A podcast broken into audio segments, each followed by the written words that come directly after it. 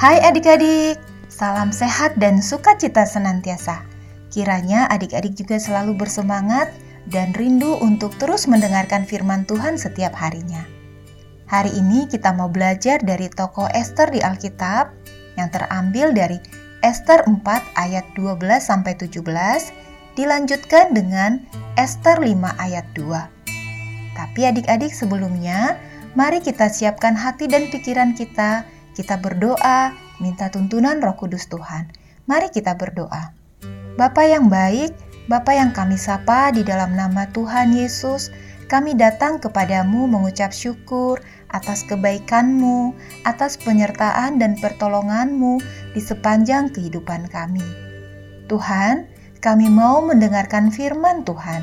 Tuntun kami ya Roh Kudus, agar kami mengerti akan kebenaran firman-Mu dan juga dimampukan untuk melakukannya dalam kehidupan kami. Terima kasih Tuhan Yesus. Amin. Pembacaan renungan harian kita diambil dari Esther 4 ayat 12 sampai 17, kemudian dilanjutkan dengan Esther 5 ayat 2. Pembacaan firman Tuhan akan dibacakan oleh teman kalian, Karen. Esther 4 ayat 12 sampai 17. Ketika disampaikan orang perkataan Esther itu kepada Mordekai, maka Mordekai menyuruh menyampaikan jawab ini kepada Esther. Jangan kira karena engkau di dalam istana raja, hanya engkau yang akan terluput dari antara semua orang Yahudi. Sebab sekalipun engkau pada saat ini berdiam diri saja, bagi orang Yahudi akan timbul juga pertolongan dan kelepasan dari pihak lain dan engkau dengan kaum keluargamu akan binasa. Siapa tahu mungkin justru untuk saat yang seperti ini engkau beroleh kedudukan sebagai ratu. Maka Esther menyuruh menyampaikan jawab ini kepada Mordekai. Pergilah, kumpulkanlah semua orang Yahudi yang terdapat di Susan dan berpuasa untuk aku. Janganlah makan dan janganlah minum tiga hari lamanya baik waktu malam, baik waktu siang. Aku serta dayang-dayangku pun akan berpuasa demikian, dan kemudian aku akan masuk menghadap raja. Sungguh pun berlawanan dengan undang-undang. Kalau terpaksa, aku mati. Biarlah aku mati. Maka pergilah Mordekai dan diperbuatnyalah tepat seperti yang dipesankan Esther kepadanya. Esther 5 ayat 2 Ketika raja melihat Esther, sang ratu berdiri di pelataran. Berkenanlah raja kepadanya, sehingga raja mengulurkan tongkat emas yang di tangannya ke arah Esther. Lalu mendekatlah Esther dan menyentuh ujung tongkat itu. Demikian pembacaan Alkitab.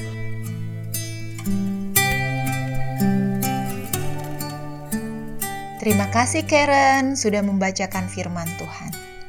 Adik-adik, judul renungan kita adalah Tuhan menjaga umatnya. Dan fokus kita pada Esther 5 ayat 2. Ketika raja melihat Esther sang ratu berdiri di pelataran, berkenanlah raja kepadanya, sehingga raja mengulurkan tongkat emas yang di tangannya ke arah Esther, lalu mendekatlah Esther dan menyentuh ujung tongkat itu. Ratu Esther permaisuri Raja Ahasiweros dari kerajaan Persia mengetahui sebuah aturan yang telah ditetapkan oleh raja, yakni barang siapa memberanikan diri menghadap raja, kecuali karena dipanggil secara khusus oleh raja, akan dihukum mati, bahkan permaisuri sekalipun. Namun, ketika didengarnya dari Mordekai bahwa Haman bermaksud melenyapkan semua orang Yahudi yang ada di kerajaan Media Persia, maka Ratu Esther memberanikan diri menghadap raja sekalipun ia tidak dipanggil oleh raja. Ratu Esther tahu resiko yang akan dihadapinya, tapi ia minta Tuhan menjaganya dalam upayanya menyelamatkan umat Yahudi. Berkat pertolongan Tuhan yang senantiasa menjaga Ratu Esther, raja berkenan atas Ratu Esther dan tidak menghukumnya. Malah, raja membantu menyelesaikan persoalan yang ada dengan bijaksana, sehingga Haman sendirilah yang pada akhirnya justru menerima hukuman. Adik-adik, kita belajar dari Ratu Esther. Ratu Esther sangat peduli kepada kaumnya orang Yahudi. Ratu Esther ingin menyelamatkan orang Yahudi dari ancaman Haman. Tuhan menolong Ratu Esther sehingga umat Yahudi selamat. Adik-adik, Tuhan selalu menjaga kita di mana pun kita berada dan dalam kondisi apa pun kita. Mari kita terus mengandalkan Tuhan dan jangan takut memperjuangkan kebaikan, karena Tuhan selalu turut campur tangan. Mari kita katakan, "Aku tidak akan takut memperjuangkan kebaikan, karena Tuhan menjaga aku." Sekali lagi, ya, aku tidak akan takut memperjuangkan kebaikan karena Tuhan menjaga aku. Adik-adik, mari kita berdoa. Doa akan dipimpin oleh teman kalian, Care. Teman-teman, mari kita berdoa. Bapa di surga, ajar kami untuk peduli kepada orang lain yang membutuhkan pertolongan. Mampukan kami agar berani membela yang benar karena kami tahu Engkau senantiasa menjaga dan melindungi kami.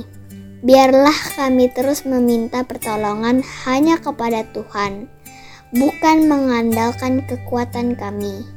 Dalam nama Tuhan Yesus kami berdoa. Amin. Teman-teman, terus semangat mendengarkan firman Tuhan ya, agar kita semakin mengenal Tuhan dan terus bertumbuh di dalam Tuhan. Tuhan Yesus memberkati.